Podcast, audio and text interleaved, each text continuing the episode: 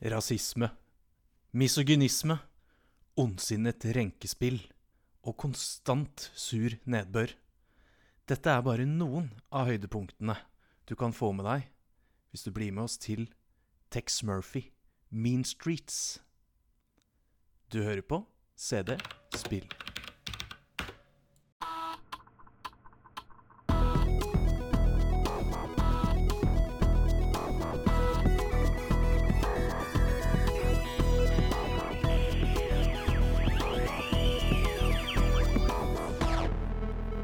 Velkommen til nok en episode av din og mammaen din sin favorittpodkast. Jeg eh, føler meg litt som en politiker eh, her jeg er i denne podkasten. Jeg har ikke peiling på noen ting, men jeg får lov å være med likevel. Heldigvis så er jeg ikke alene her. Jeg har med meg min kompanjong og gode venn Mr. Mamen. Eh, Godt å høre fra deg, Mr. Mamen. Takk for det, takk for det. Jeg eh, holder trofast med. Vi har jo, har jo lekt sammen siden vi var små, så det er jo gøy at vi har begynt å leke sammen igjen i, i voksen alder og snakke om akkurat de samme tingene vi snakka om i skolegården, nemlig blir gode, gamle spill. Vi har, eh, vi har ikke utvikla oss eh, annet enn litt sånn kroppslige, vi, egentlig. Ja, litt er mørkere i røsten. Litt, litt mørkere i røsten. Uh, og litt bredere om uh, Ja, rundt omkring. Eh, Litt, litt hår her og der, som vi Ja. hadde i gamle dager.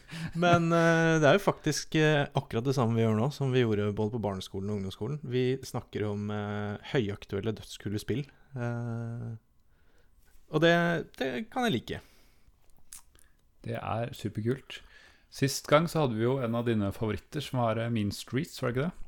Nei, det er, det er denne gangen. Vi prøver på nytt. Ja. Sist gang. Vi, det er veldig mye favoritter nå. eh, og en av favorittene går i dag. eh, men eh, det er en liten fli flippy-flopp her. For ja, forrige episode snakka vi om eh, Street Road. Ja, var det Som med er- Som er, så, så det er noe, det er noe gate inne i bildet. Eh, som er eh, en av mine jeg vil si, absolutte favorittspill fra oppveksten. Eh, og et bilspill attpåtil. Og jeg er jo egentlig ikke nødvendigvis noen bilspillfan. Uh, så da tenkte vel jeg at uh, da er det din tur i dag til å ha en av dine favorittspill. Og det er også gaterelatert. Hvis man, ja, hvis man strek, strekker ordet der, da, så er den gaterelatert. Ja, for det er min Streets. Men før vi hopper inn i den, så mener jeg å huske at det var masse engasjement på forhånd. Har vi fått noe i etter, etterkant av Vi har uh, fått litt, uh, litt eh, movements in the social medias. Vi har annet på vår Twitter, uh, cd underscore spill, så var det jo en liten greie forrige gang med en fyr som heter Alexander Espeseth, som var inne og kommenterte i forbindelse med Monkey Island-episoden. Ja, det var den Og- eh, han musikeren, holdt jeg på å si. Det, Ja, og jeg skal ikke gjengi hele den, eh, men det var veldig gøy, fordi han var veldig gira, og han drev med eh, altså musikkstudier. Ja. Og blant annet så var Monkey Island-musikken noe av det han tok for seg i musikkstudiene sine. Eh, og så ble jo jeg veldig gira, egentlig, for han, eh, han var jo Han driver jo med Han har jo profesjonalisert og rett og slett studerer eh, noe av det vi syns er gøyest i hele verden. Eh, dataspillmusikk. Mm. Så jeg ble litt gira og litt drevet med, og inviterte han vel egentlig rett ut til å stille, stille opp. Eh, så han har eh, meldt, meldt seg på igjen, holdt jeg på å si, på, på Twitter, eh, og eh, kommentert under da Street Rod-tweeten vår. Eh, og Alexander Espeseth sier 'aldri spilt spillet', men nostalgien deres var nok for meg. Nydelig episode. Føler jeg har spilt spillet ut ifra det dere sa. Nice. Altså, nå må han i hvert fall være med. Eh, først så solgte han seg inn med fagkunnskap, og nå er det litt sånn hyggelig klapp på ryggen og smisk. Mm. Dette er veldig bra, Alex. Eh, og jeg var jo nysgjerrig på hva Hva er det egentlig han studerer? Litt sånn musikkstudie Jeg skjønner ikke Så jeg spurte om det, og så, så han svarer på det, og han sier For å svare uten å gi for mye info, så vi har noe å snakke om når jeg kommer på besøk, nice. er det en master i musikkvitenskap. Eh, Alex, eh, jeg tror du nevnte noen spill du hadde lyst til å snakke om i forrige tweet, men eh, vi, eh, vi skal snakke sammen, og vi skal finne et spill som vi alle tre kan snakke sammen om. Og det må jo være litt musikkfokus i den episoden, tenker jeg. Syns det, altså. Kult. Og eh, apropos eh, Monkey Island eh, Vi eh, leste opp noen kommentarer fra vår Facebook-post der forrige, i den episoden. Eller i, i eh, Street Rod-episoden. Men så har vi Kan Du kan jo gjette, da, hvor Jørn Inge Joddi Henriksen er fra. Eh, og hans eh, ca. A4-side kommentar under Monkey Island starter med Hallo, karer. Sigve, hvis du har tenkt å lese den kommentaren, så er det altså mitt Troms-dialekt du skal prøve deg på. Uh, og jeg kjenner at uh, det, er, det er jo fristende å holde på litt, men uh, jeg, jeg kan gi en liten teaser. OK, ok, Jørn Inge. I lys av det dere snakka om, angående hvordan et moderne publikum ville reagert på spillet i dag, så tenkte jeg å teste nettopp det på Lichbroderen på 16. Jeg spurte om han hadde lyst til å spille sånne gamle spill som han bror hadde når han var ung. Han nikka motvillig, men gikk omsider med på å prøve Monkey Island. Og det her er eh, På en måte så har jeg lyst til å lese opp hele, men den er veldig lang. Eh, og eh, vi skal snakke om andre spill. Ja. Men folkens, stikk inn og les det nordnorske kåseriet til Jørn Inge Jodde Henriksen på eh, Facebook-sida vår eh, under eh, eh, Monkey Island-posten. Det, det anbefales faktisk. Eh, mye god nostalgi og mye morsom med han stakkars Lish-broderen på 16, som virkelig plutselig må bli eh, datanerd med, med DOS-spill. Så sjekk, sjekk ut den. Uh, så eh, må vi jo innom vår eh, gode venn Joakim Froholt på spillhistorie.no. Han har skrevet en eh, kort artikkel om vår episode om Street Rod. Eh, så vi eh, anbefaler å stikke og sjekke hva han tenker om den, og selvfølgelig høre på episoden. Og så, i god tradisjon, på spillhistorie.no-siden, i kommentarfeltet under artikkelen, så er vår etter hvert gode venn Terje Høybakk inne eh, og kommenterer. Eh, godt, å, godt å høre fra deg, Terje. Det er noen episoder siden sist. Det er mulig, mulig jeg som er glippig, altså. Men eh, Og han eh, sier at eh, hm, Ante ikke det med tuningen i Street Rod? Nei. Nå kommer ikke versjonen min med manual heller. Men på Amiga-versjonen så hørte man på motoren mens man tunet, og den gikk klart penest når man tunet den til merket. Den bråket mye mer når den var utenfor merket, så det var vel naturlig å tro at å ha den midt på merket var alltid det riktige. Så der ser man alltid sin fordel å ha en manual tilgjengelig, tydeligvis. Ja, for det var Eirik Gjerløv som hadde, som hadde virkelig hadde- satt seg inn i materien ja, her og funnet ut av det greiene der. Virkelig. Vår, vår gjest i episode, Streetwood-episoden, Eirik Ehløv, hadde Som han gjør, eh, dette vet jeg, jeg har jo kjent fyren en stund, eh, han går i dybden. Han går ned i materien og, og finner ut f.eks. at det er ikke nødvendigvis best å tune på merket, eh, men det er i hvert fall sånn midt imellom på akselerasjon og hastighet, topphastighet. Kult. Eh, videre sier Terje Her har vi uheldige uttalelser om Stuntcar Racer også. Ja, ja, jeg vet ikke. La oss kalle det en profesjonell uenighet, eh, Terje. Eh, men det er vel for så vidt riktig at DOS-porten er en sørgelig versjon av spillet. Uansett, Stunt Car Racer mangler mekkingen, men har mye bedre fysikkmotor enn Street Road og er klart mer gøy å kjøre. Det har du faktisk helt rett i, Terje. Det fikk jeg ikke presisert, eller kanskje jeg glemte av det. Eh, fysikkmotoren, kjøringa, er faktisk 10 000 ganger bedre i Stunt Car Racer. Eh, men grafikkbiten og hva skal jeg si, eh, rollespill-immersion er jo ikke til stede på samme måte som i Street Rod. Eh, ja, og videre, han liker ikke DOS-versjonen her, bare kanskje ikke DOS. DOS-utgaven har best framerate av alle versjonene ut ifra hva jeg har sett. Det skal den ha. Men den både låter og ser verst ut. Spillet ble laga av Joff Crammen, original til Atari ST, tror jeg. Det er samme mann som ble kjent for The Sentinel noen år før, og Formula One Grand Prix noen år etter. Ah. Så nei, man avfeier ikke Stuntcar Racer på den måten. Fy! Blunke, blunkesmiley. Altså, jeg, eh, som alle andre, eh, eh, står jo selvfølgelig beinhardt på mitt. Men Terje, når jeg får en såpass velartikulert og velformulert og faglig backa eh, kommentar, så skal jeg eh, Jeg trekker meg, og jeg eh, skal ikke mene at Stuntcar Racer er dårligere enn eh, Street Rod. Og videre eh, på kommentarfeltet til eh, vår gode venn Joakim Froholt eh, så ser jeg at Kim Jeg lurer på om Kim har vært der før. Ja, han har kommentert før. Han, Han har er litt anonym anonym når han ikke sier hva han heter for noe mer. Så det kan være andre Kimmer, men jeg antar det er ikke så mange Ja. spillestore Kimmer ute og går. Men hva vet Og jeg. han, eh, men han melder seg på mitt lag, faktisk. Han Mm. sier i all enkelhet Bilkjøringen er ikke all verden i Street Rod, men syns allikevel spillet banker Stuntcar Racer ned i støvlene pga. den kule atmosfæren og alt man kan gjøre. Mm. Så Ja, Han må da se på den hele pakka her, ikke bare Ja, enkeltkomponent. Ja, ja. Terje Høybakk, hele pakka Mm. må ses på. Og at eh, vi eh, Helt greit at uh, spillet blir laget i Atari, at det ser bedre ut på Mhm. Men vi snakker om DOS-spill. Yes. Vi holder oss til DOS. Eh, og så ser jeg helt på slutten her at Joakim Froholt er inne eh, med litt diplomati for å roe gemyttene.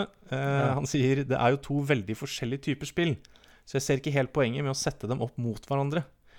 Eh, man kan jo si at Street Road banker det meste av bilspill ned i støvlene hvis man bedømmer dem etter de tingene som gjør det unikt. Mm. Men skulle hovedkriteriet være hvor heftig kjøringen er i seg selv, er det fryktelig få bilspill fra samme tid som banker stuntcar Racer ned i noe som helst. Smilegris. God avrunding, diplomatisk avrunding der, Joakim. Du fikk fremhevet fordelene med begge spillene. Og jeg Mm. tror at uh, Terje og Kim og jeg uh, kan fortsette som venner. Ja, Det tror jeg. det høres sånn ut. Uh, ikke minst takk til Joakim som reddet dagen og reddet Definitivt. kommentarfeltet og alt mulig. Og Men- helt uh, til ah, ja. slutt Ja, Mer? Ja. uh, ja, ja det, altså det Jeg ble jo litt overraska under episoden at det ble Mm. en del aktivitet eh, på SoMe, eh, og det har jo ikke gitt seg. Eh, så helt til slutt, eh, på spillhistorie.no sin Facebook-side, under eh, posten om vår Street Road-episode, så melder eh, Jo Morken Grevling Størseth Man bare pressa The King av veien på Mulhollen. ja, det er, noterer meg den. Eh, Andreas eh, Bekgård Pedersen sier Husker det var et triks å kjøpe den billigste bilen, strippe den for alle deler og selge den til makspris. Ja, det Ja. har du faktisk helt rett i. That's the cheat code. Og til slutt så sier Fredrik Haugåsen Holm det var lenge siden og en hyggelig påminnelse. Smilfjes Tok en stund å knekke den koden, men til slutt. Så var vi i mål med engasjementet rundt Street Rod. Det var utrolig gøy at et Jeg vet ikke, jeg kalte det et slags indiespill eh, i episoden. Hmm. Har vekka såpass med engasjement, så det syns jeg var veldig Der traff vi, traff vi skikkelig spikeren på hodet, føler jeg. Veldig, og Men- det gjør ikke meg noe at det var favorittspillet mitt i tillegg. Så Det jeg er litt nysgjerrig på, er at du lovte etter forrige gang at du skulle spille Street Road SE, den derre masterutgaven. Eh, det, har, du, har du fulgt opp dette? Har du, har du gjort leksa di?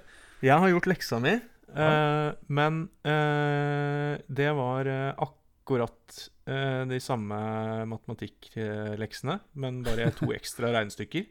Ja, ok.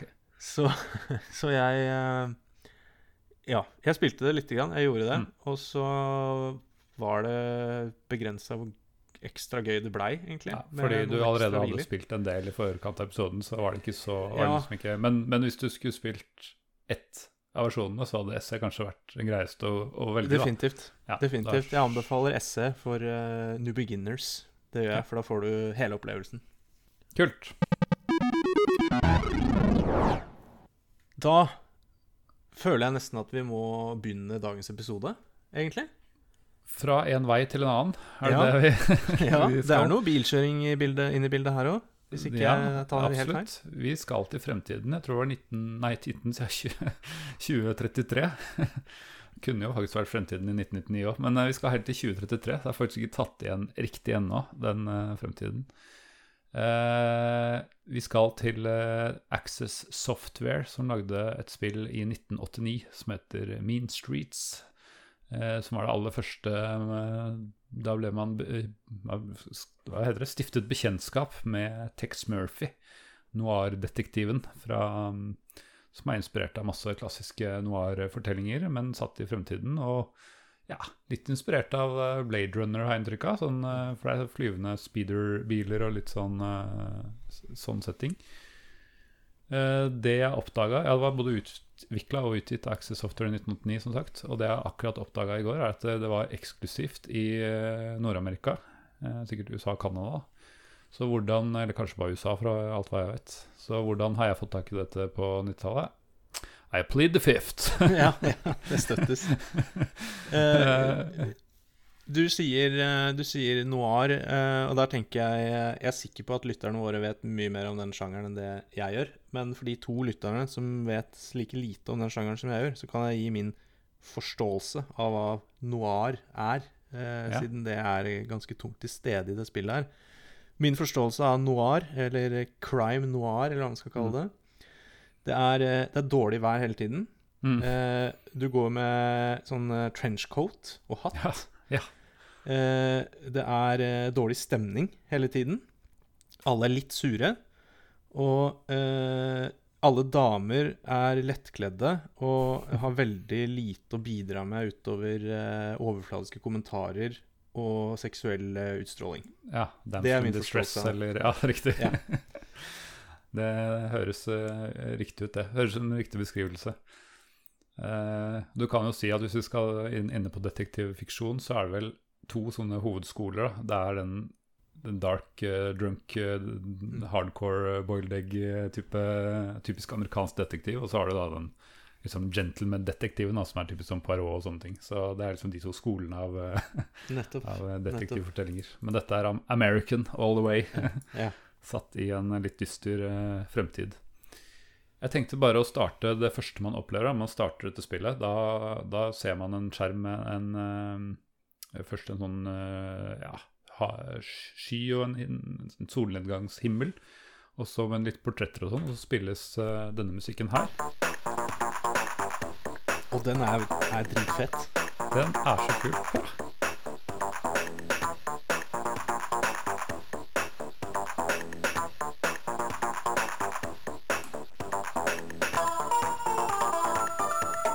Jeg bare minner om at dette er 1989. Hva sier det? Altså, det er jo høy kvalitet. Og eh, jeg syns det er en dritfett låt. akkurat det. At de har fått til både og, og nå er det liksom det som er det mest sjokkerende her, da. Og der du tenker at de må jo være drittidlig ute med Soundblaster og alt mulig rart. Eh, Soundblaster hadde ikke blitt funnet opp ennå. Dette er PC-speaker. Bare jeg, jeg sier det nå. Dette er PC-speaker. Kom dette Ja, ut, men det går, jo ikke an. Det er jo ikke lov. Det skal jo være blipp-blopp. Ja, det er helt utrolig. De hadde, de hadde teknologien som het eh, real sound. Så de hadde noen veldig De har alltid vært Access Software har vært veldig frampå teknologisk hele veien. Ehm, og det, de klarte liksom å modifisere nettopp og unngå den blipp-blopp til, til det her. Eh, og det var jo faktisk, jeg husker jeg var overraskende når jeg fikk meg lydkort noen år senere. Da spilte jeg gamle spill, og det her fikk jeg ikke til å funke på soundblasteren min før jeg, før jeg omsider skjønte at nei, det støtter ikke soundblaster. For det var ikke funnet opp. Nei, så det her uh, Ja, du, du skjønner vel kanskje at det fort ble en favoritt når jeg, når jeg fikk dette ut av, uh, av noe jeg vant til, bare blipp-blopp-lyder. Ja, det er, jo en helt annen verden. Altså, jeg, jeg can't imagine å gå fra blipp-blopp til det her. Når, når vi ikke visste om noe bedre, egentlig. Ja, absolutt. Og dette var jo De hadde, bare for å nevne litt, så hadde jo Access Software andre spill også. Nå husker jeg de hadde noen par, eller flere golfspill. Eh, jeg hadde et par golfspill i gamle dager, men det som var, var at det var de beste golfspillene. Men de hadde den kuleste, Det var veldig sånn great shot! og sånn her. Det var veldig kule effekter da, som gjorde at jeg ble tiltrukket i, selv om ikke ikke nødvendigvis golfinga av spillet var, var i masterclass. Så, så ja. Nei, dette var eh, Man blir fenget fra første øyeblikk. Eh, I hvert fall ble jeg det. Ja, for eh, når du er inne på at du ikke støtta eh, Soundblaster eh, Tech-specsene da, på eh, det spillet her eh, Det slippes jo til både DOS og Windows, eh, og så blir jo jeg litt usikker på For det Ja, jeg, jeg ser jeg ser at det må være en remaster eller noe, for her er det både, Det er både Pentium 3 og det er Windows XB og Altså, så Windows-versjonen, det er GoGo Steam-versjonen som kom i 2000 Nettopp. eller et eller annet. Så, Nettopp, så jeg- jeg da kom det i Europa òg, da, bare så det er sagt. Så nå fins det i Europa. Så uh, det spillet vi snakker om, da, det ble sluppet eh, til uh, DOS. Uh, og det ble sluppet til eh, 8088 eller 86-varianten. Altså vi snakker her the OG of the OGs. Du måtte ha MS-DOS 3.0. 512 kilobyte med ram. Én av floppy-diskene, den floppy-floppy eller vanlig. Eh, et spekter av spennende oppløsninger. eh, VGA på toppen der, vil jeg påstå. Og eh, som du er inne på, eh, Sound Devices Supported PC-speaker tweaked. Ja. Så her, eh, og det er også eneste sound device som er supported. Ja. Så det er tekstspeksene på eh, dette fremtidsspillet, både i eh, hva skal jeg si, tematikk og eh, teknologi. Spilltech, Mm. rett og slett. Når eh, introsekvensen er over, så, så får du en liten tekst som beskriver Du Det går faktisk an å klare dette spillet uten å ha noen manual, selv om det står en ganske god sånn bakgrunns, nesten en liten novelle i, i starten om, om hvordan eh, liksom mysteriet starter. Men eh, du får en screen med tekst som du kan lese, så kommer du, kommer du da à jour med de viktigste tingene. Og det er at du blir altså Du er jo en pri- private detective. En eh, Hva heter det på norsk? Detektiv? Ja, Privat privat, etterforsker. kanskje? Ja, det høres eh, Du blir kontaktet av den pene Sylvia Linsky, som eh, hjertegråtende kommer og vil gi deg litt penger for å oppklare sin eh, fars eh, mystiske dødsfall. Eh, fordi eh, hun er vel ganske tydelig med en gang at eh, hun hadde, eller han, faren hadde en livsforsikring på en million kroner. Nei, dollar, regner jeg med. Men som du vet, selvmord der det går ikke an å kan ikke oppfordre folk til å drepe seg selv, så den blir nullified ved et selvmord, og politiet sier det er et selvmord. Så da det lille hun har, de 10 000, gir hun gjerne til deg, mot at du klarer å, å løse denne saken og helst bevise at det ikke var et selvmord, da. Eh, når du har fått lest den eh, teksten, så blir du satt inne i din flyvende speeder i et slags eh, flyspill, flysimulatorspill, ser det ut som. Eh, du kan liksom Ja, det er jo sånn som eh, Det har vel et teknisk begrep, men sånn som helikopter, at du kan lette både vertikalt og horisontalt, holdt jeg på å si. Um, eh, du kan fly rundt omkring i California på måfå, eller gjerne via litt sånn med waypoints for å vite hvor du skal. Men, vent litt nå, vent litt nå. Dette spillet er lagd i 1989, og Mhm. du kan fly eh, bil i open world? Er det sånn å forstå? ja, det er faktisk sånn. Det er et helt open world eh, Altså det er flysimulator på mange måter, som de har bygd et eventyrspill rundt. um, og du ser, spesielt i San Francisco, der, der det er litt, litt landmerker, så ser du liksom en, en rød, eller sånn ja, EGA rød eh, bro, som eh, åpenbart er Golden Gate Bridge, og noen andre landemerker som eh, for de som er kjent, som kanskje kjenner den, som ikke jeg skjønner nødvendigvis at dette er Coit Tower, f.eks. Så det er ganske kult konsept. Bare tenk på immersion her. Nå skal, du, nå skal du først besøke noen, og du må fly dit. Du må komme deg dit. I dag ville du jo bare trykke på et kart, men her må du komme deg dit. Ja, altså Det er jo helt sjukt fett. Og, og jeg så jo, så jo på litt Let's Plays. ehm, og det, eh, og min, min, en av mine første tanker var jo Å, fy søren, det spillet her For jeg har vært uheldig. Jeg har ikke spilt det i oppveksten. Det er kanskje fordi det ble bare sluppet i Amerika. Uh, så, så jeg fikk ikke tak i det. Uh, så tenkte jeg å, fy søren, det spillet her hadde jeg elska, for jeg hadde bare flydd rundt. Jeg sikkert Mm. hadde bare flydd rundt i timevis og aldri løst en eneste krimsak. Uh, men eh, fly rundt open world, liksom. Det er sjukt fett. Og ja, det er 1989. Grafikken Men eh, for å sette det i kontekst vi, for de av våre lyttere som f.eks. har spilt eh, F19, Mm. eh, eller litt, eh, litt baner med Stuntcar Racer Det er litt den den grafikken, litt sånn grovt sammenligna, da. Så det er nok til at du tenker der er det hus, der er det et bygg, der er det Mm. by. Og ikke minst denne Golden Gate Bridge, er jo veldig åpenbar. Det er noen andre sånne der fotballstadioner og sånne, sånne ting som du skjønner hva skal forestille, men jeg er ikke kjent nok til å, å kanskje kjenne igjen akkurat hvilken, hvilken det er. Uh, men immersion slutter ikke der. Du skal uh, Ja, flyvende biler har vi ikke fått ennå, men, uh, men noe annet vi faktisk har fått, det er når vi skal ringe noen. Så ringer vi jo ikke på vanlig Nei. telefon, vi ringer på vidphone. Eh, og det naturlige utgangspunktet når du trenger å få tak i noen, det er eh, å ringe sekretæren din som heter Vanessa. Eh, du ringer henne, og, så, og igjen, dette er en dette er serie med skanna fotografier, eller skanna vet jeg ikke, men det er i hvert fall åpenbart ekte mennesker som er brukt som basis her for å lage animasjoner. Altså veldig få frames per second. Kombinert med real sound, så sier hun 'Hello, Tex'. Hello, Tex. Eh, what can I do for you? Ikke sant? I vennlig, st- eh, vennlig, vennlig stemme. Og her er liksom det som er litt essensielt med dette spillet, hvis du skal klare å spille det. Uh, du må holde styr på personene selv. Du må være detektiv selv. Du må skrive, f.eks., så vet du at Sylvia Linsky er, er klienten din.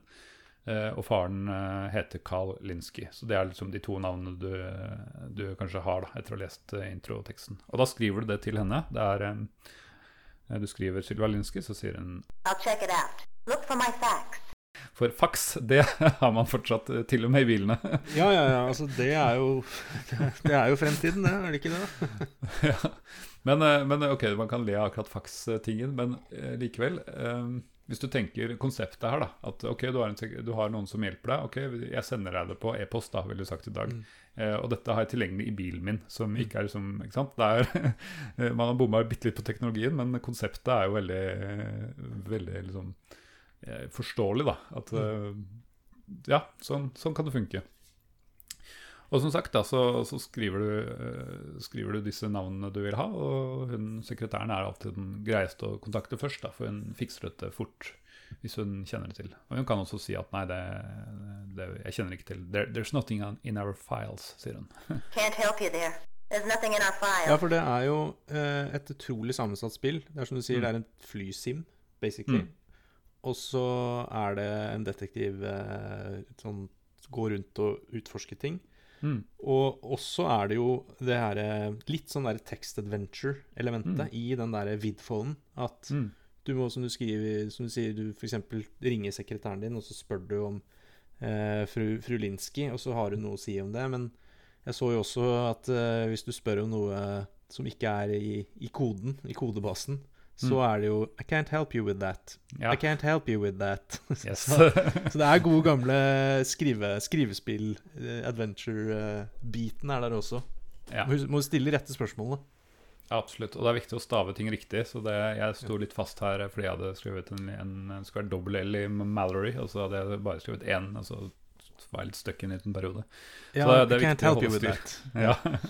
Can't help you there. Så, og den andre, du kan ringe to personer etter spillet. Det er eh, sekretæren din, og det er eh, informanten din, eh, Li Chin.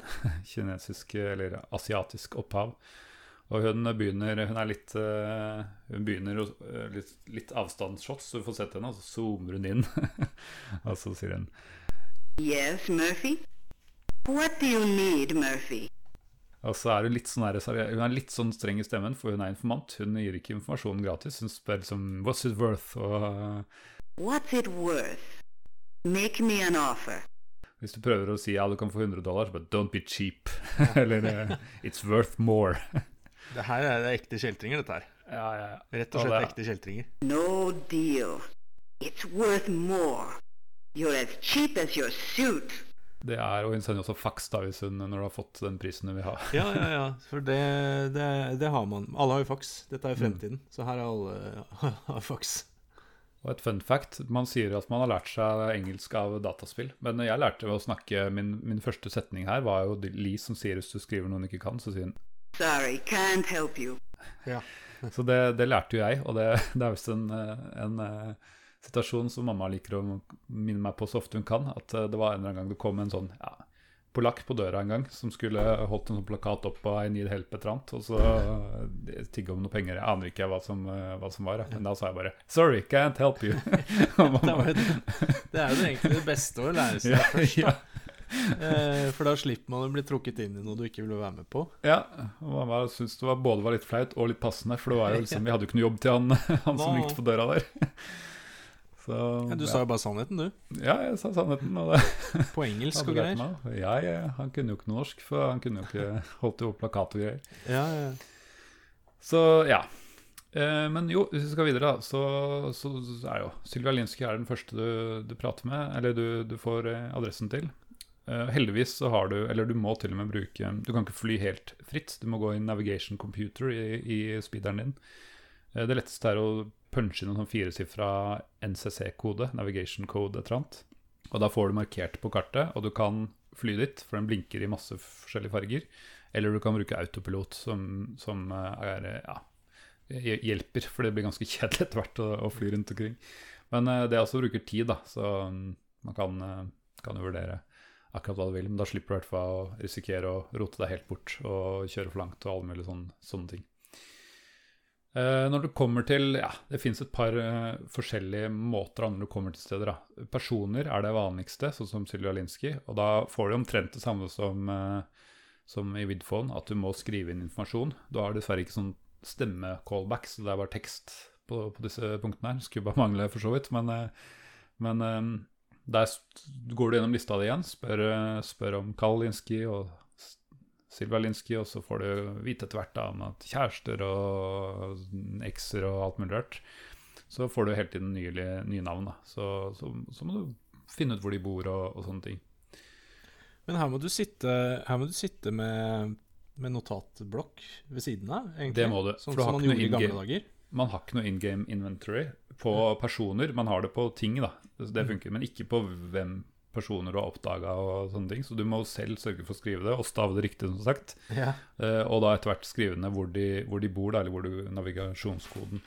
Så når jeg var ferdig med spillet her, så jeg, syns jo ikke dette på radioen, men det ble, en, eh, ble ganske fullskrevet av fire ark med, med navn, og kryssa etter hvert som jeg hadde vært og besøkt dem og sånne ting. Da, for det blir jo, du kan ikke huske dette etter hvert. Men eh, hvis du skulle vært veldig hvis du skulle vært veldig inne så burde du kanskje skrevet Nå skrev jeg bare navn og, og nummer, men du burde kanskje skrive relasjon, eller liksom hvem, hvem er det, hvis du skal få hele lauren, for det er litt vanskelig å huske. Det var en liste med tre navn, hvor er det, hva var det de skulle være og sånn, så det, det hender at jeg, jeg ikke helt vet hvem, hvem er det jeg besøker nå, når jeg bare Ja, ja. Ikke, ikke har gjort det notatet. Eh, Så den andre formen for, eh, for besøk, det er liksom en lokasjon av det er en litt mer klassisk eventyrspill. Um, Dette er ikke pek og klikk, for det er mus, musestøtte. Jeg vet ikke om det står på tekstbekkene, men jeg tror ikke det var noe musestøtte i, i dette. Så det er en slags blanding mellom det er liksom, Du går rundt med piltastene, og så når du finner noe interessant, så kan du trykke enter, og da får du en sånn klassisk verbmeny med look at og pick up og turn on og turn off og, og litt sånne ting. Og eh, av en eller annen merkelig grunn taste. det er veldig sjelden jeg har taste i eventyrspill. Eh, og jeg har runda hele spillet uten å bruke taste en eneste gang, mest fordi jeg antar at det ender med døden hvis jeg taster Ja. på for mange ting. Det høres ut som sånn noen- lure, sånn lure lureting. Sånn, Ja. Du kan gjøre det, men det er den eneste måten du kan dø på. Ha-ha-ha. Ja, fordi det ligger en forgifta Pepsi-boks ved siden av her, eller et eller annet. Nettopp. Men når du går rundt og utforsker, så, så kan du plukke opp ting, og du kan flytte på ting og sånne ting. Og det er eh, litt sånn der, sånn som et det er sånn, ofte et sånn tre, da, navigasjonstre, at du finner en pult, og så ser du på den, og så ser du en skuff, og så må du trykke åpen på den, og så får du innholdet lista i liksom bortover. Eh, så det, kan være, det er litt vrient å drive og navigere rundt på det der, bare med liksom piltastene, at du må navigere rundt på de tingene.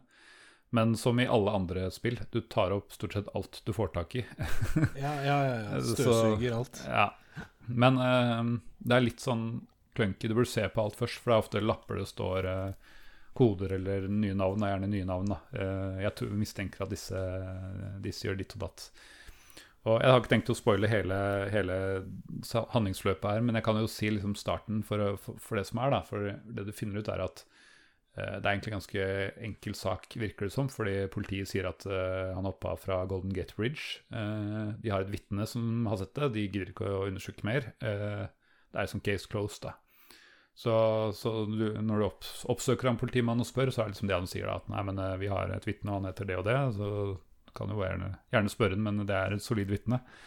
Så oppsøker du han, og han bekrefter det samme, men syns at det var noe litt sånn rart med måten han gikk på. Det var liksom, eh, det er liksom Er det noe rart her? Og hjemme hos eh, Kalinski også så finner du et opptak hvor han sier Og dette spilles av i PC-speakeren igjen med real sound, som sier They're in my head, they're in my head! Som er sånn Jaha, er det noe okay. hva, hva er det som foregår her? Er det psykiatri, eller er det trusler? Er det kjeltringer? Ja, hva, Ja. hva er det?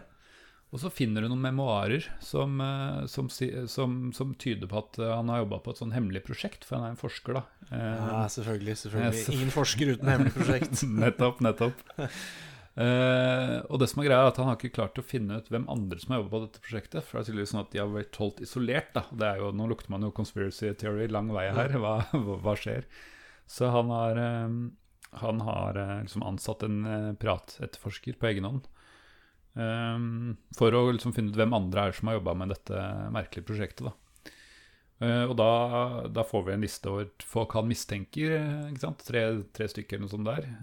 Så Ja, Og så da blancher det ut med flere folk du da må Ja. oppsøke og spørre og riktig. Nettopp. Og så finner du da ut at eh, liksom, to av disse på lista De var bare red herrings, si. Det var feil, men den siste var riktig. Og da, da finner du igjen der nye, nye og den men, men i starten så er alle døde, da. For de finner liksom De finner ah, denne døde i en ulykke forrige uke, ikke sant. Det er litt Ja. mistenkelig, alle, alle de der som skal vært- Alle du trenger å snakke med, er eh, dessverre døde.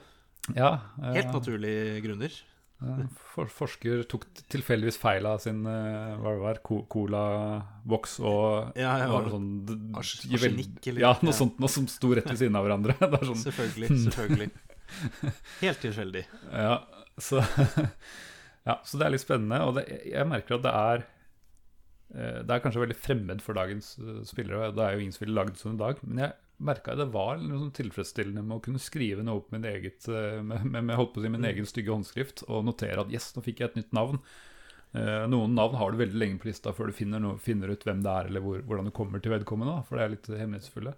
Og det er veldig tilfredsstillende å liksom hele tiden kunne komme ett skritt nærmere og, og liksom få kryssa ut eh, blindspor og, og sånne Jeg, ting. jeg tenker jo det aspektet der med at du blir nødt til å sitte og notere og skrive, det kan jo virke litt sånn uh, for uh, dagens ADHD-generasjon, uh, med achievements og waypoints og som litt sånn der tungvint. Men det bare slår meg at i hvert fall når jeg liksom skrur nostalgien eh, tilbake til oppveksten og barndommen, det er jo egentlig helt sjukt fett.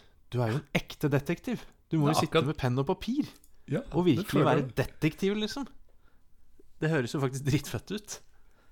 Jeg fikk virkelig den, eh, den følelsen tilbake. Så jeg, eh, ja, jeg syns det, det høres veldig gammeldags ut, men jeg klarte å få en glede av det selv i dag med å notere på penn og papir og, og liksom komme videre.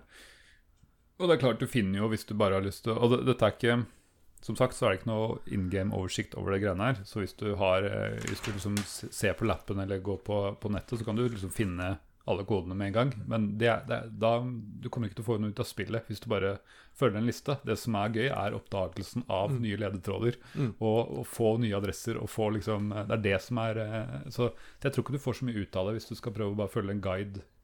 eh, som man gjerne gjør, da, walkthrough. Jeg, jeg tror du får veldig lite ut av det. Eh, Ja, for da blir det bare å klikke, klikke seg fra sted til sted. ja. Det ville ikke vært noe gøy for meg, i hvert fall. det, det er min eh, påstand. Um, en annen ting er at mange av disse stedene har alarmer. Altså innbruddsalarmer-type, da. Eller eh, Ja. litt mer avanserte sånn, hemmelige grotter og sånn. Så det kommer Secret Labs og sånn, har litt mer dødelige varianter. Selvfølgelig. Men eh, det er liksom det samme konseptet, da, at du får en counter som en teller ned eh, fra enten fem eller ti minutter, og du må klare å deaktivere alarmen da innen tiden går ut, ellers så kommer politiet, eller så blir du gassa i hjel, eller et eller annet skjer. da. Så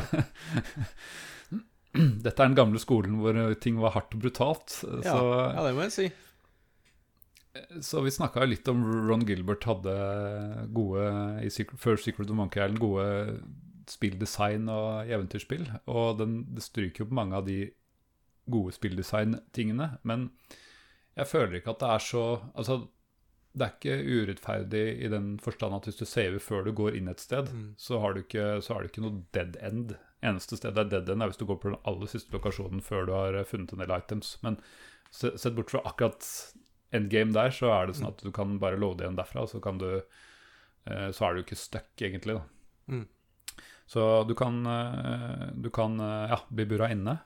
Du kan dø på andre måter også, for en del steder har en sånn skytedel for å, for å komme inn til Altså, det er tugs der, det er vakter der, et eller annet sånt.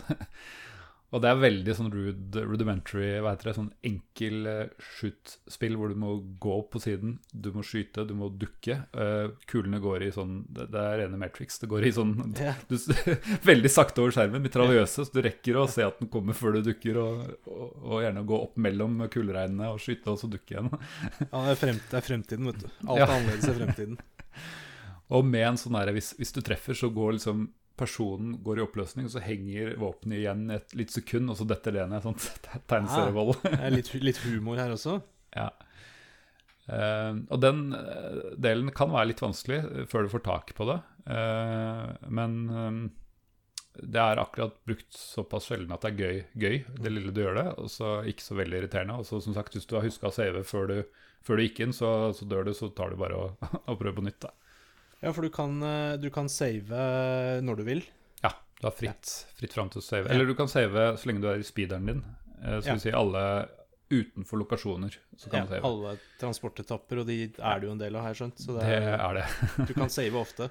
Ja, så, og det er ikke så Nå kanskje selger jeg det inn som veldig nådeløst. Det er, ikke, det er på ingen måte alle steder du kan, mm, kan dø som du besøker, men jeg anbefaler likevel å save hvis du er en rookie, og save før alle steder, for det er så irriterende å liksom gå på tre, nye, tre steder du har gått på før og plukke opp alle de der pengene og notatene og alt Det er sant. rart du Og bare legge seg til en ja. vane at du saver Ja. før du går ut av speederen. Mm. Men eh, for sånne kløner som meg, da. uh, hvis du la oss si du kommer til et sted som har innbruddsalarm, kan du Mm. hoppe i speederen igjen og save? Eller er du liksom kjørt? Nei, Da må som, du løse alarmen. Det som skjer, er at da, da lukker døra seg, og du må finne alarmen. Da. Og da må du liksom traversere disse områdene og, og flytte og åpne esker og flytte på skapet, og det er jo gjerne gjemt på et sånn halv, halvlogisk sted, da, inni, inni et skap eller på et panel eller et eller annet sånt. Eh, Men går tiden ut, så får du en sånn death in og game over, men da, som sagt, da loader du, og så må du gå på den lokasjonen om igjen, da. Mm.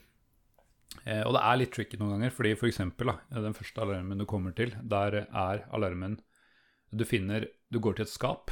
Inni skapet så er det en skoeske.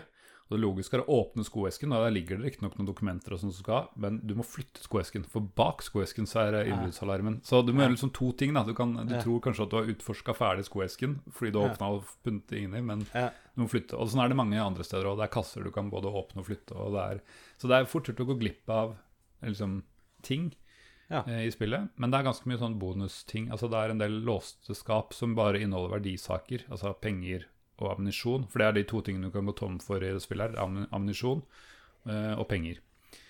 Hva Eh, bruker du pengene til? Pengene bruker du til å bestikke disse, sånn som Lee Chin, som jeg snakka om, din, og en del andre ikke så samarbeidsvillige personer som du møter utover. Ehm, og det fins veldig mye penger i spillet hvis du, hvis du gjør en innsats. Eh, og du ser, hvis du beskriver et objekt, så står det sånn This has a street value of 3000 dollars. Da veit du at den eneste hensikten den har, er å ta den med deg og selge den. Eh, du har sånn pawnshop du kan Ja, altså, du har en vendor, du har en, uh, en hand-in et sted du kan hand-ins. Du har en sånn, sånn liste så du kan bare flytte i solgt-kategorien, og så kan du kjøpe det tilbake hvis du tabler ut, men alt, alt er trygt. Og så finner du en del safer som bare grabber med deg. Ja da, det er eh, Kalinskis dødsofre. Du knabber med deg det du får til. Selvfølgelig, selvfølgelig. Dette er, eh, det er ikke noe politi, dette her. Det er privatetterforsker. Ikke noe regler Yes. da, vet du. Men kan du, kan du kjøre deg fast hvis du blir for... Altså go broke? Hvis Hvis du går tom for penger? Det som er eneste du trenger manualen til, er at det står eh, noen sånne bounty hunter locations som du, du kan, som du ikke vil finne i spillet ellers, som du kan gå inn på. Som er bare den skytescenen, og der vil du finne penger og ammunisjon. Det er litt vanskeligere vanskelighetsgrad enn de, de andre, men der kan du få penger, eh, og du kan så, som sagt selge ting du finner. Og jeg havna i den tabben at, eh, nå at jeg liksom tenkte at nå skal jeg liksom få all informasjonen. Jeg bare ga, bort, eh, ga dem det, det de ville ha, da, alle sammen. Så hvis du skal spille der ordentlig, så vil jeg anbefale å eh, enten du skal være ordentlig skikkelig, så, så tar du bare å betale for de personene du ikke har adressen til. Det ikke sant? Bare de personene du ikke, der du mangler informasjon. For det ender, det er mye snakk du, altså du ender bare med å bare få den samme informasjonen på nytt. Um, og det er ingen som svindler deg sånn direkte ved å si ja, jeg skal ha liksom 500 for å for, fortelle hvem dette er. Og så, nei, jeg vet ikke. Det, det er ikke sånn. Men informasjonen kan være bare ting du allerede har. ikke sant? Og det er, noe, det er blant Ja. annet en person som Sånn som Li, Li Chin, hun pleier ofte å si at du må betale ved en, en viss sum, og så får du bare vite at ja, men dette vet eh, Ron Meat. Vet hvem, eh, vet hvem dette er, så ta kontakt Ron Meat, og så har du Det er morsomt kontakt. at du nevner, fordi eh, jeg må spørre deg om en ting. ja. Eh, Jeg har eh, som nevnt ikke spilt dette i barndom og vokst opp med det, men jeg har gjort litt research og, og titta litt på det. Eh, Og en ting som eh, fanget oppmerksomheten min, Ja. det er Ron Meat. Ja. Har du, du kan jo begynne med å beskrive hvordan Ron Meat ser ut. Ok. I denne verden så er det noe som heter freaks. Det er en veldig viktig del av eh, tingene. Det blir også kalt for mutants. Eh, og Ron Meat har ett øye midt i. Han har, har et øye i panna og ikke noen andre, øyer. Eller et øye istedenfor de to øynene sine. Mm. Eh, sånn ser han ut. Eh, han leder også til en annen som er to hoder, f.eks. Som også er en annen freak, eller mutant, som det blir kalt etter hvert. Eh, det som overrasker meg, er at de sier noe om at det er på noe radiation level, og det bor i Freaktown og sånne ting. Men de, jeg klarte ikke å finne noe bevis nå i, i Mean Streets hvorfor er vi i denne situasjonen. Ja. Men hvis de som har spilt oppfølgerne, de vet at det er tredje verdenskrig. Da resultatet av det har liksom skapt, Men her, eh, men i, i eneren, altså her, da, Mm. så er det ikke noe law, spesifikk law på hvorfor eh, man har freaks. Nei, det, det, stod, det, det blir nevnt noe radiation, så man kan kanskje tenke seg at det er en atomkrig, men eh, det blir ikke nevnt eh, noe mer enn bare in, in the passing. Nei. Um, og det leder jeg meg også til uh, at du har en entitet som også treffer tidlig, som heter Law and Order Party. Og de er, eh, de er eh, fascistpartiet. Og så tenker du at eh, Og det, dette er utrolig hvor treffende det er blitt for i dag. ass. Og dette er mye verre enn liksom, trumpisme, hvis du tenker at aha, det er jo akkurat sånn republikanerne er. De, de sier helt klart vi, The only good freak is a dead freak. De vil liksom utrydde Ja. alle, Ja, ja. alle Vi legger. Ja, legger ikke noe Nei. mellom, nei. Nei, riktig. Så det er veldig tydelig. Ja. Så, men navn, det, det er det mye, de er veldig mye cheesy navn. ass. Ron Meat ja, høres litt merkelig ut. Hva med f.eks. For forsikringsagenten Peter Dull? Beskrivende, vil jeg si, Eh, Ja, på en forsikringsagent. Det er enten Peter Sneaky eller Ron Dull. og så har du den litt korrupte politimannen Smiley Monroe. Selvfølgelig. Selvfølgelig. Og så har du en eh, Jeg vet ikke, det, det var litt vitne. Bash Daggett. Ja. Det må jo ha vært morsomt eh, da vi gikk på barneskolen. At han Ja. heter Bæsj til fornavn. Ja, ikke sant? Og så har du Dette er en red herring, men eh, du har Blaze Wiener. ja, det er uh, The list goes on. Det er, det er ikke alle som er uh, like bak mål. Jo, jo, så- ja, det her er jo faktisk ikke helt unaturlig, men eh, du kan jo gjette hvilken profesjon Lola Lovetoy har. Ja, det er bare det noen kaller det verdens eldste profesjon. Ja.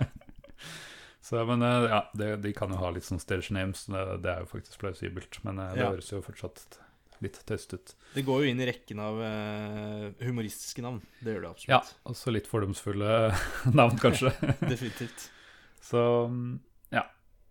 Det må jeg bare si at de har Ja, det er en del tullenavn, så du, du skjønner nesten Ja, det, du, jeg tror de har liksom tenkt, tenkt seg litt om hva, hva de har navngitt i litt stereotypiske ting og sånn.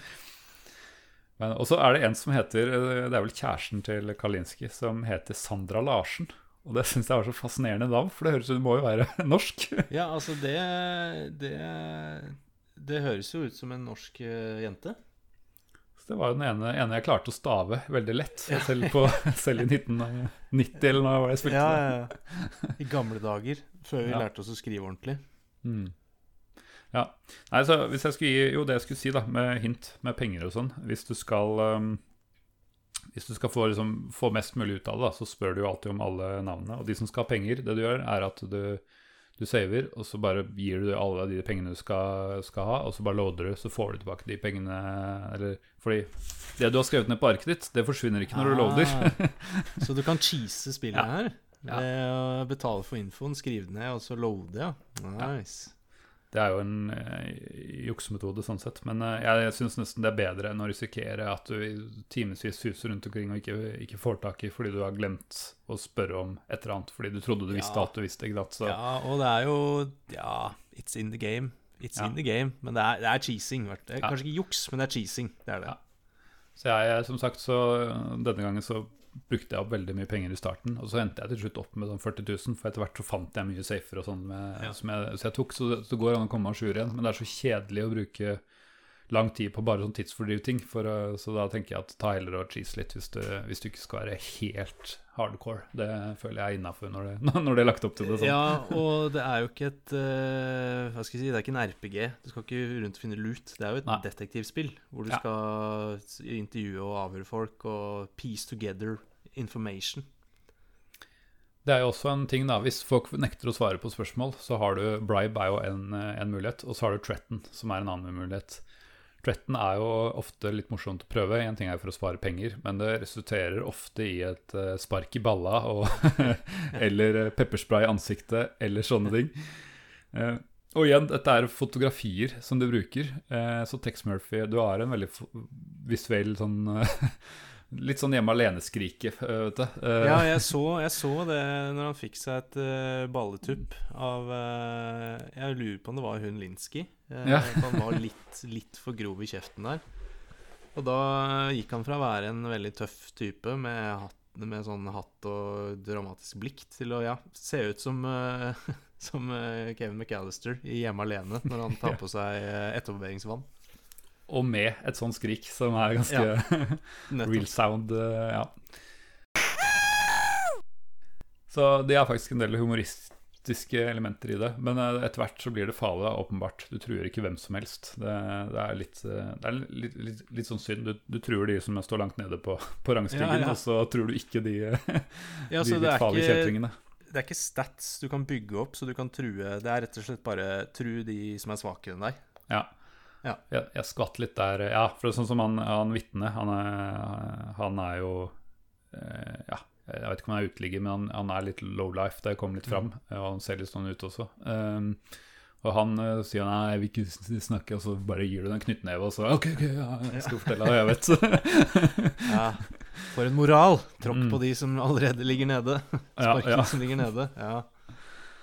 Så, men uh, det som er gøy, da, er at hvis du gjør en hvis du truer noen, eh, og så bare kaster de meg ut, så er det bare å gå inn igjen, og så, så er de like gode venner, så kan du stille de samme oh, ja. spørsmålene. Så det er ikke noe, du får ikke noen varige konsekvenser, unntatt, som sagt, da, litt utover i spillet, hvor du finner noen virkelig farlige folk. Da, da, da skal jeg innrømme at jeg skvatt litt med han første Det var en sånn korrupt uh, regnskapsfører eller noe sånt, som, som skulle møte meg på en sånn flatt fotballstadion eller noe sånt. Jeg tenkte ikke noe over at han var farlig, regnskapsfører, men eh, da, da dro han opp eh, ja, Hadde jeg lest beskrivelsen, så hadde han stått at den var armed, da. Da dro han opp den Ja. og skjøt meg jeg begynte å true den.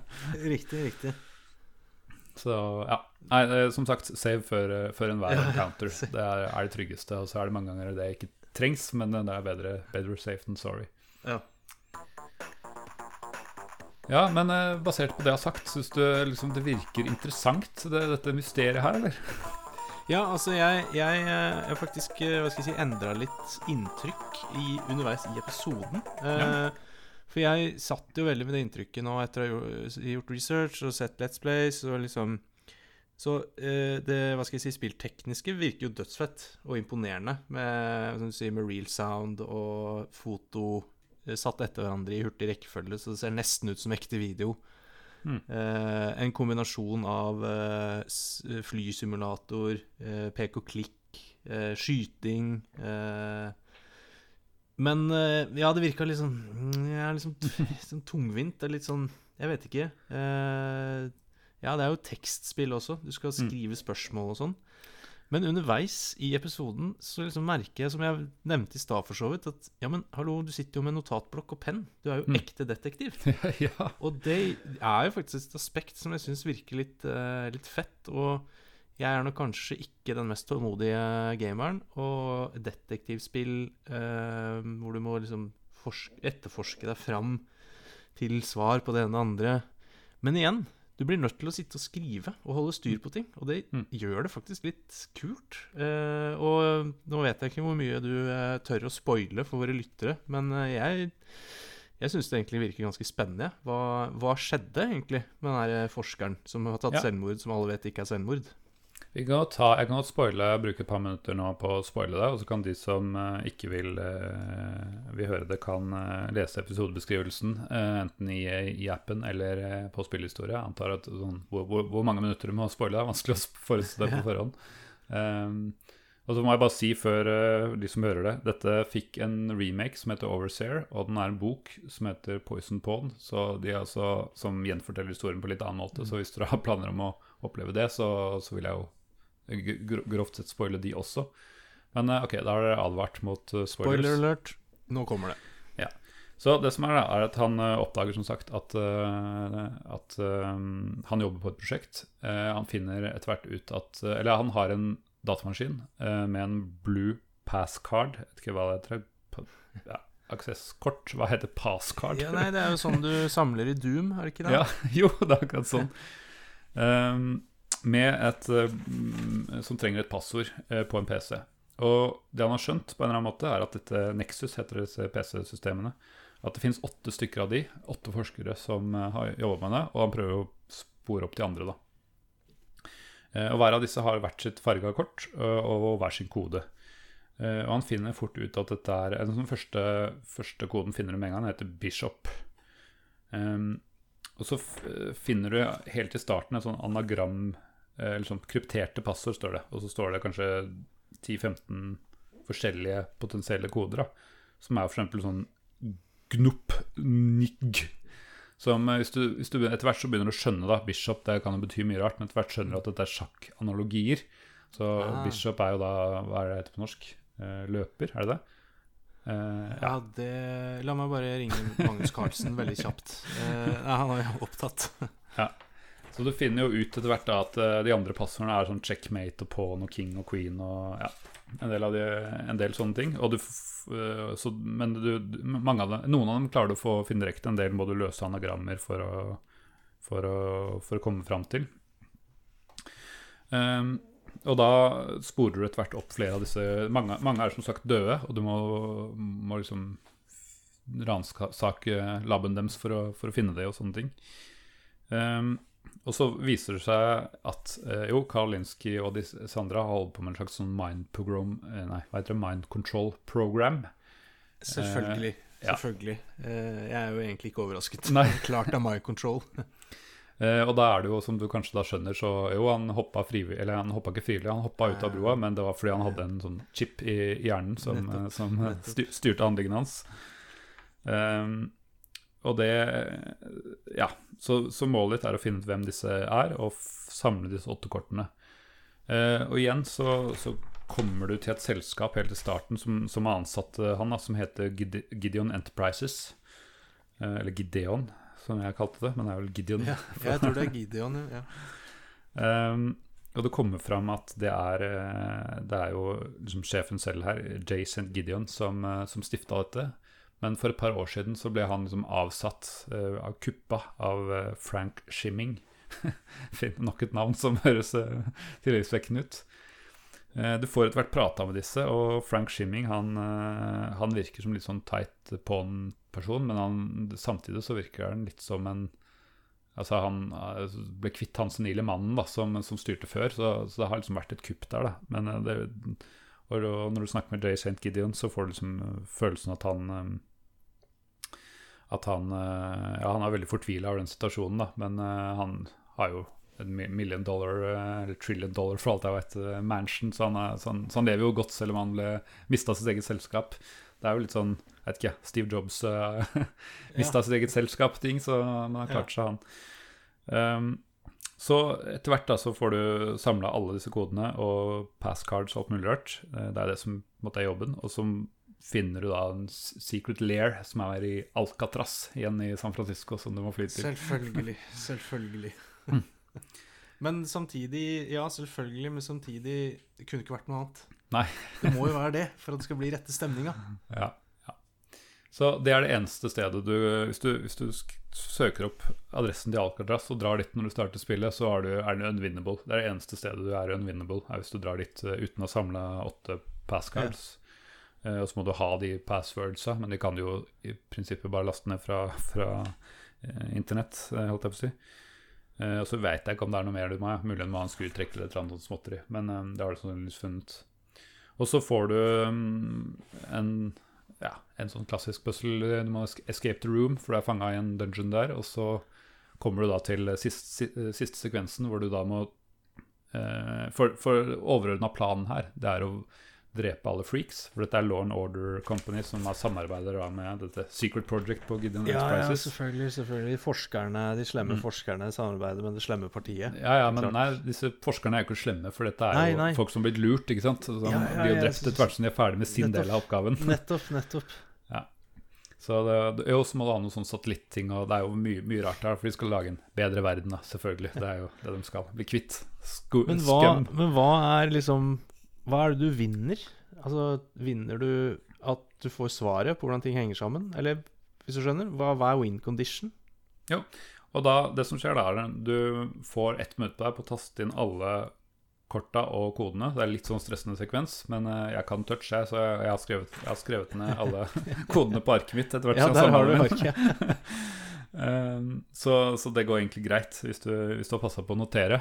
Um, og da får du vite at det er selveste Gideon bak, uh, Jason Gideon, som har stått bak, da, som kanskje dette kuppet bare var spill for galleri, eller, eh, eller hva det er. Det, kommer ikke så mye fram, men det er i hvert fall han da som trekker disse trådene bak, bak Law and Order og alt mulig rart.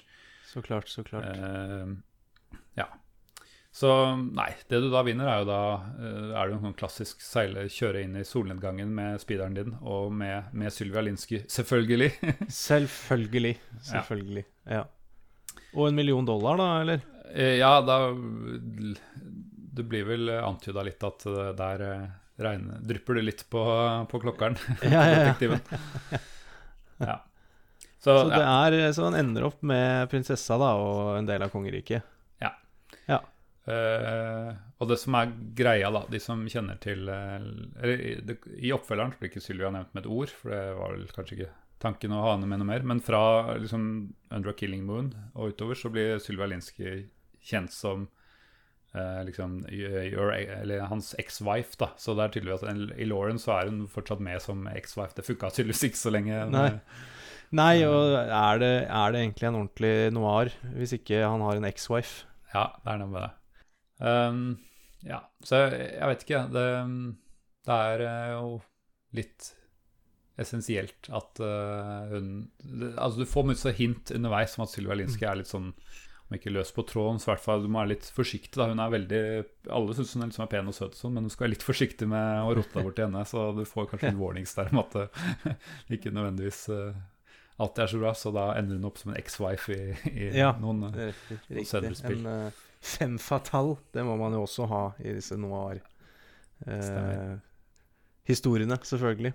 Ja. Så ja, nei eh, Og det er en del sånn Hvis du leser teksten på 'Det må du nesten gjøre skal komme videre', så er det litt morsomme betraktninger. da, Sånn som du møter Det er ikke alle disse Ja, det er noen freaks som ser gærne ut, eller eh, mutants, og så er det f.eks. en av de første Det var vel forloveden til Kalinski, heter Dolores Lightbody. Nok et navn. Ja. Og hun er smellfeit. Og Selvfølgelig. selvfølgelig beskrivelsen som, eh, som kommer, er at she looks like a saint. A Saint Bernard. det er sånn. Så litt sånn eh, De har hatt litt gøy, tror jeg. Humra litt. Ja, det, det virker som de har hatt det veldig gøy. Med, for det er jo bekmørkt, og egentlig liksom alvorlig. Det er som du sier, det er litt sånn derre uh, jeg holdt å si fascistparti og, og liksom uh, pengene de, de, Menn uten navn med masse penger som egentlig styrer og litt sånn Ja, for å bruke floskelen samfunnskritikk. Mm. Eh, men eh, så har de greid å stappe inn litt sånn humor, eh, egentlig litt sånn her og der. Eh, Ja. Og det, det kan jeg like. Å få, Ja. få det litt lettbent innimellom også. Og det er jo for eksempel, ja, det, er, det er så morsomt det her med på 80-tallet og starten av 90-tallet. Hvis du ser på popkulturen, så var det, da hadde jo Ronald Reagan blitt president. Da kunne hvem som helst bli president. Ja. Og så glemte man den tanken igjen fram til en viss uh, oransje, ja, ja. oransje Ja, ja. reality-kjendis klarte å bli det igjen. Så, så avskrivde man at det kunne skje igjen. Men, Ja. men her er det jo, presidenten her er jo Michael J. Fox. Det var jo den største Ja. stjerna Ja. på 80-tallet. Det hørtes jo litt kult ut, egentlig. Ja, han virker sant? som en ganske trivelig fyr. Ja. Og han kan, jo, han kan jo time travel. Ja, det passer jo godt i den speeder uh, flyvende biler. Definitivt. Og det er vel også en av de tingene du, du, du vinner, at du fikk en private screening av Back to the Future 17 eller noe sånt. Ja, ja. ja, er det noe, har du noen spørsmål om det her? Eh, Jeg må jo så vidt nevne om oppfølger og sånn, men er det noe, har, du, har du ja, for jeg blir, jo, jeg blir jo nysgjerrig. Jeg føler liksom eh, at jeg har fått, eh, fått et veldig godt inntrykk. Eh, og så blir jeg nysgjerrig på, ja, egentlig, hva, hva, hva kommer etterpå? Ja, dette ble, fikk en oppfølger som het Martian Memorandum. Det var et spill jeg spilte eh, etter ganske mye etterpå. Den husker jeg hadde blant annet Adlib Stunt og, og diverse. Og de har modernisert brukergrensene sitt litt ved å Altså det er ganske likt. Eh, De har fjerna denne flysimulatoren. Eh, Det er litt mer tradisjonelt eventyrspill. Og de har in game inventory av navn, da, mener jeg husker. Altså du slipper å skrive det selv. Um, det er nytt sånn her komplott på Mars. øh, veldig samme greiene. Jeg, eh, jeg har ikke spilt dette mer enn én gang på sånn ca. 99-2000. Eh, da var det jo blitt ganske gammelt. Men eh, det hadde vært interessant å prøve det igjen. Så hvis noen har lyst, eh, lyst til at vi skal ta for oss det, så gi oss et hint, da, så skal jeg gjerne spille det om igjen og, og gi en slags eh, innføring i det også. Men så kommer jo da Under a Killing Moon, som er kanskje det mest kjente av alle Tex Murphy-spill. Dette kom vel i 94, tror jeg. Eh, og det var jo CD-rom, fire CD-rommer, hvis ikke jeg husker feil. Eh, så det var jo et veldig sånn pioner innen FMV-sjangeren. da. Her var det Mm. plutselig full motion video, og det var der Tex Murphy først og fremst fikk en personlighet. da. For her var det jo Jo, du så noen stillbilder, og han ble sparka her og der, og det var samme skuespilleren, altså Chris Jones, som sa, er en av gründerne her. Eh, Men der fikk han litt mer personlighet, og, og var, det er liksom der han er noe mer enn bare en stand-in for, for deg som spiller. Eh, og der igjen ser du hvor frampå de var med teknologi. Nå var jo selvfølgelig Reed Sound på det tidspunktet blitt veldig um, obsolet, hva det heter på, på norsk? Ja, ja, ja, ja at det var, det var, spilt ut sin rolle, ja. For nå Ja. var det lydkort som gjaldt. Men, men der var de altså Altså dette er 94. Det er eh, mellom 1993 kom Seven Guest, i 1995 kom Fantasmagoria. For å, så altså, det var mellom de, da. Så det var jo en ganske tidlig CD-romspill.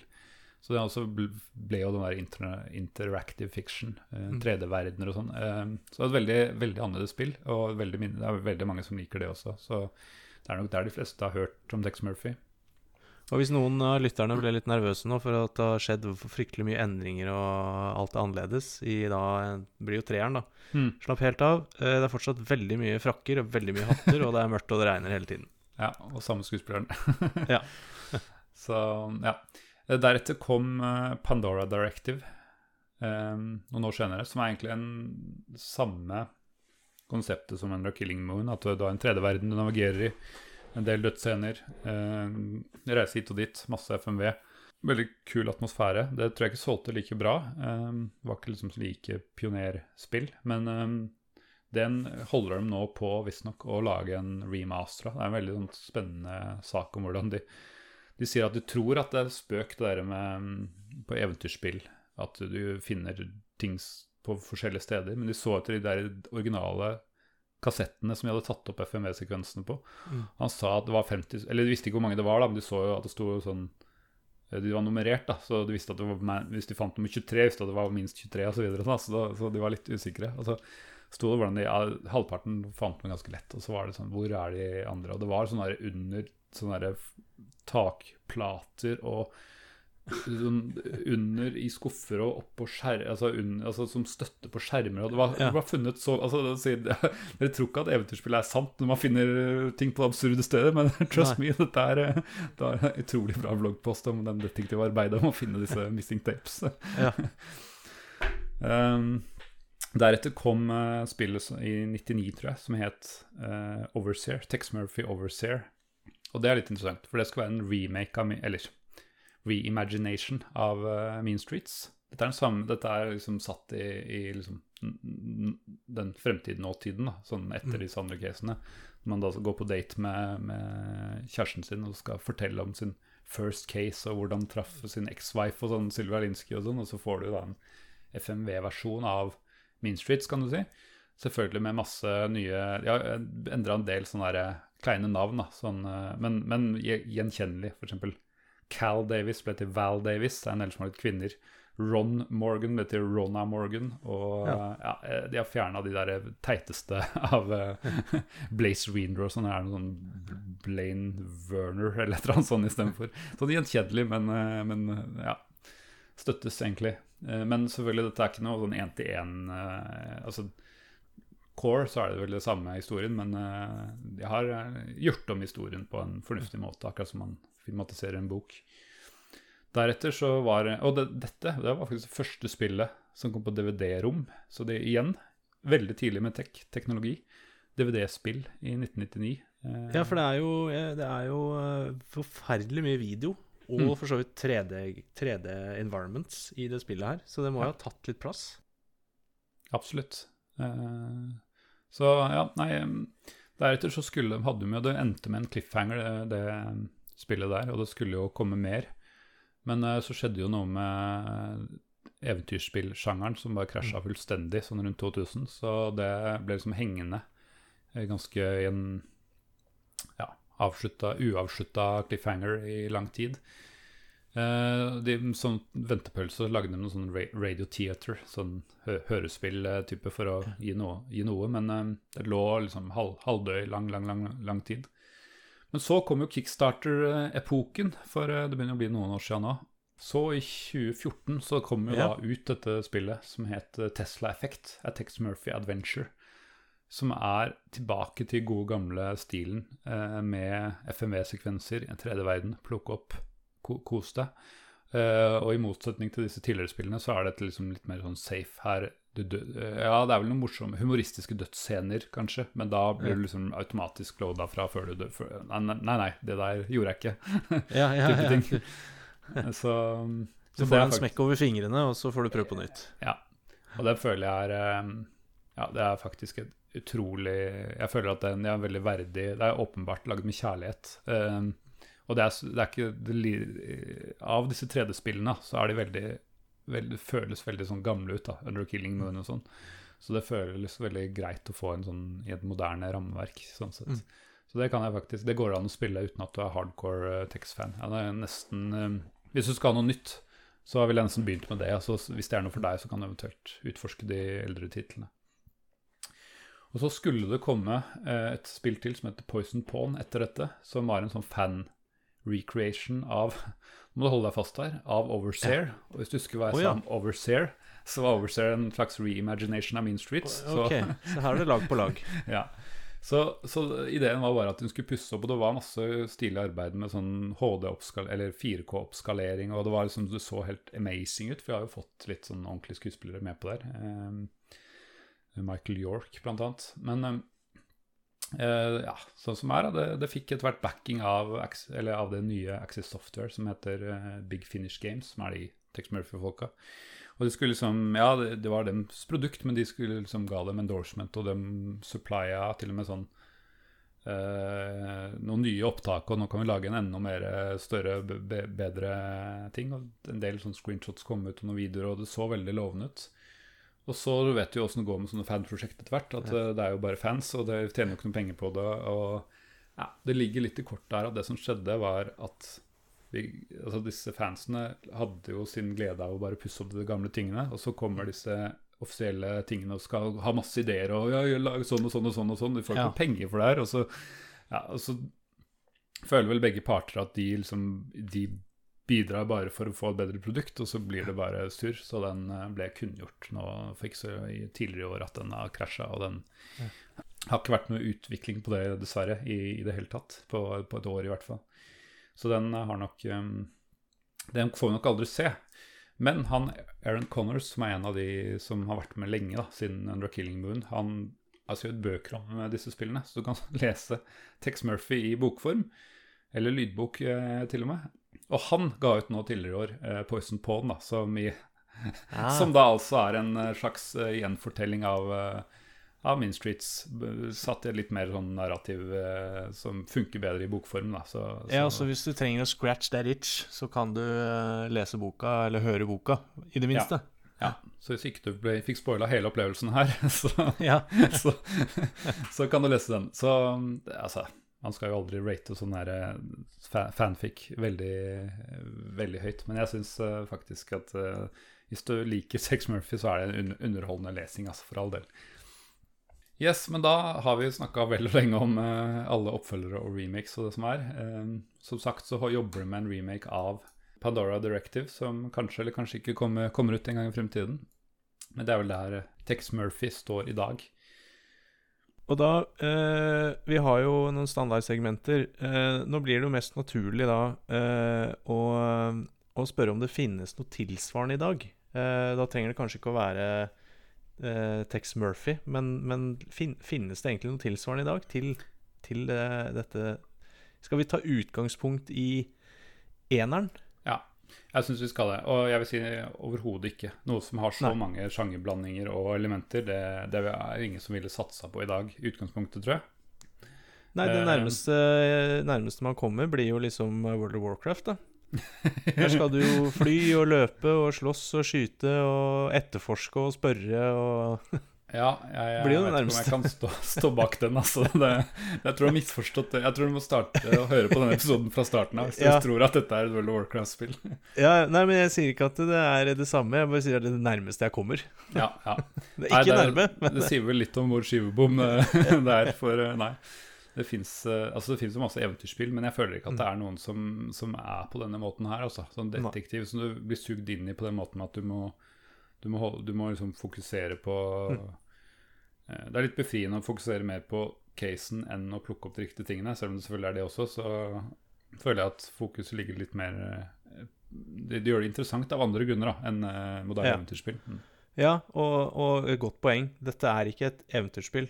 Eh, Det er ikke pek og klikk, det er faktisk et detektivspill. Mm. Eh, Og det syns jeg er litt kult, at de har greid å uh, være så eh, Hva skal vi si uh, hold, Holde på sjangeren og holde på konseptet. Eh, og ikke skli ut til å bare bli et generisk uh, adventure-spill.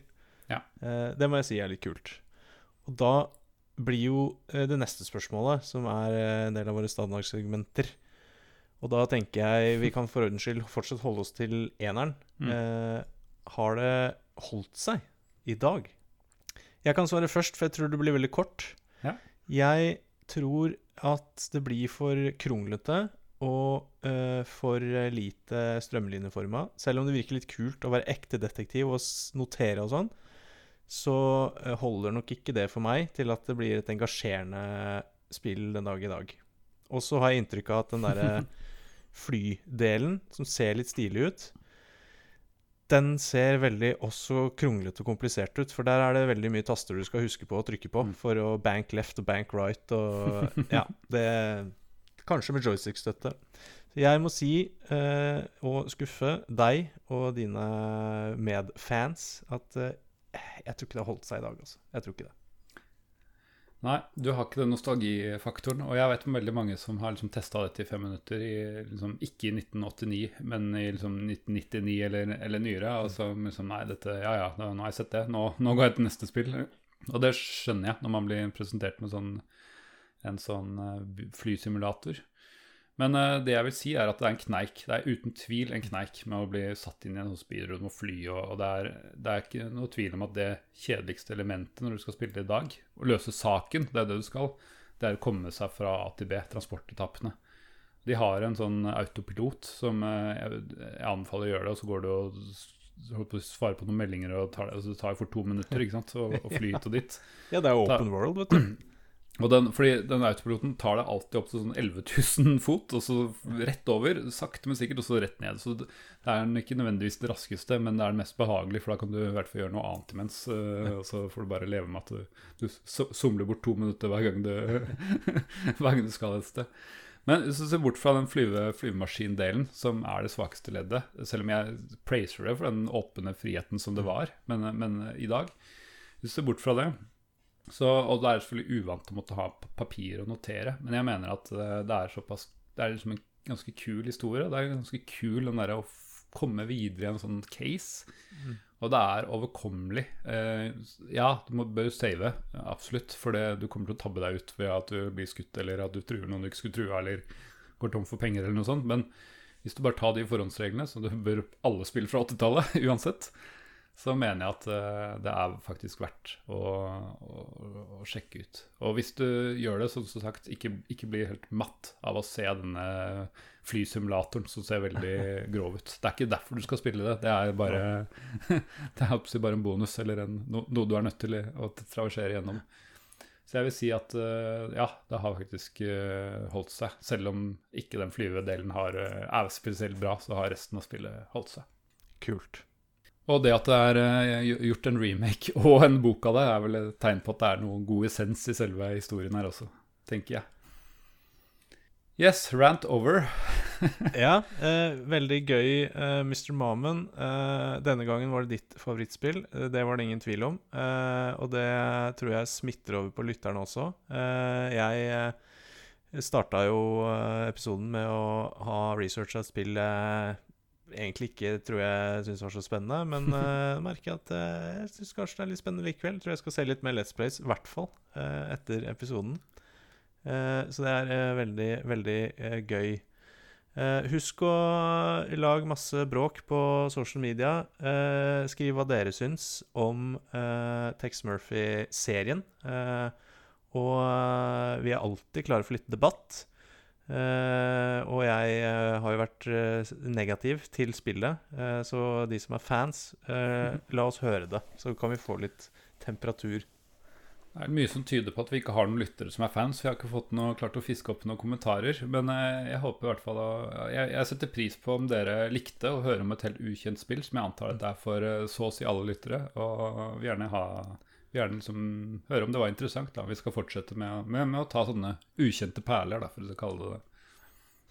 Vi eh, går mot slutten. Eh, neste gang så skal vi holde oss i mørket, og vi skal holde oss til freaks eh, og det dystre.